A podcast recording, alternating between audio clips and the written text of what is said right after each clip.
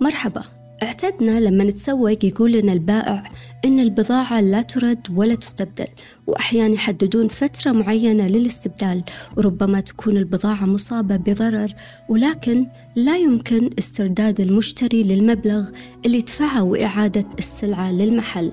ومن باب العلم بالشيء فإن عبارة البضاعة لا ترد ولا تستبدل غير قانونية بتاتا لأن من حق المشتري إعادة السلعة في حال اكتشافه لعيب خفي فيها.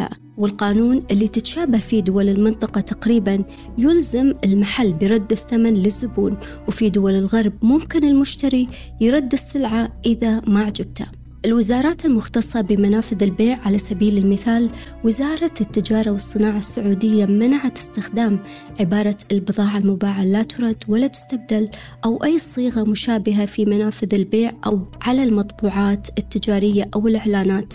وأكدت أن التاجر ملزم برد أي بضاعة فيها خلل أو لا تتوافق مع المواصفات ولا يمكن إصلاح الخلل دون المساس بجودة المنتج.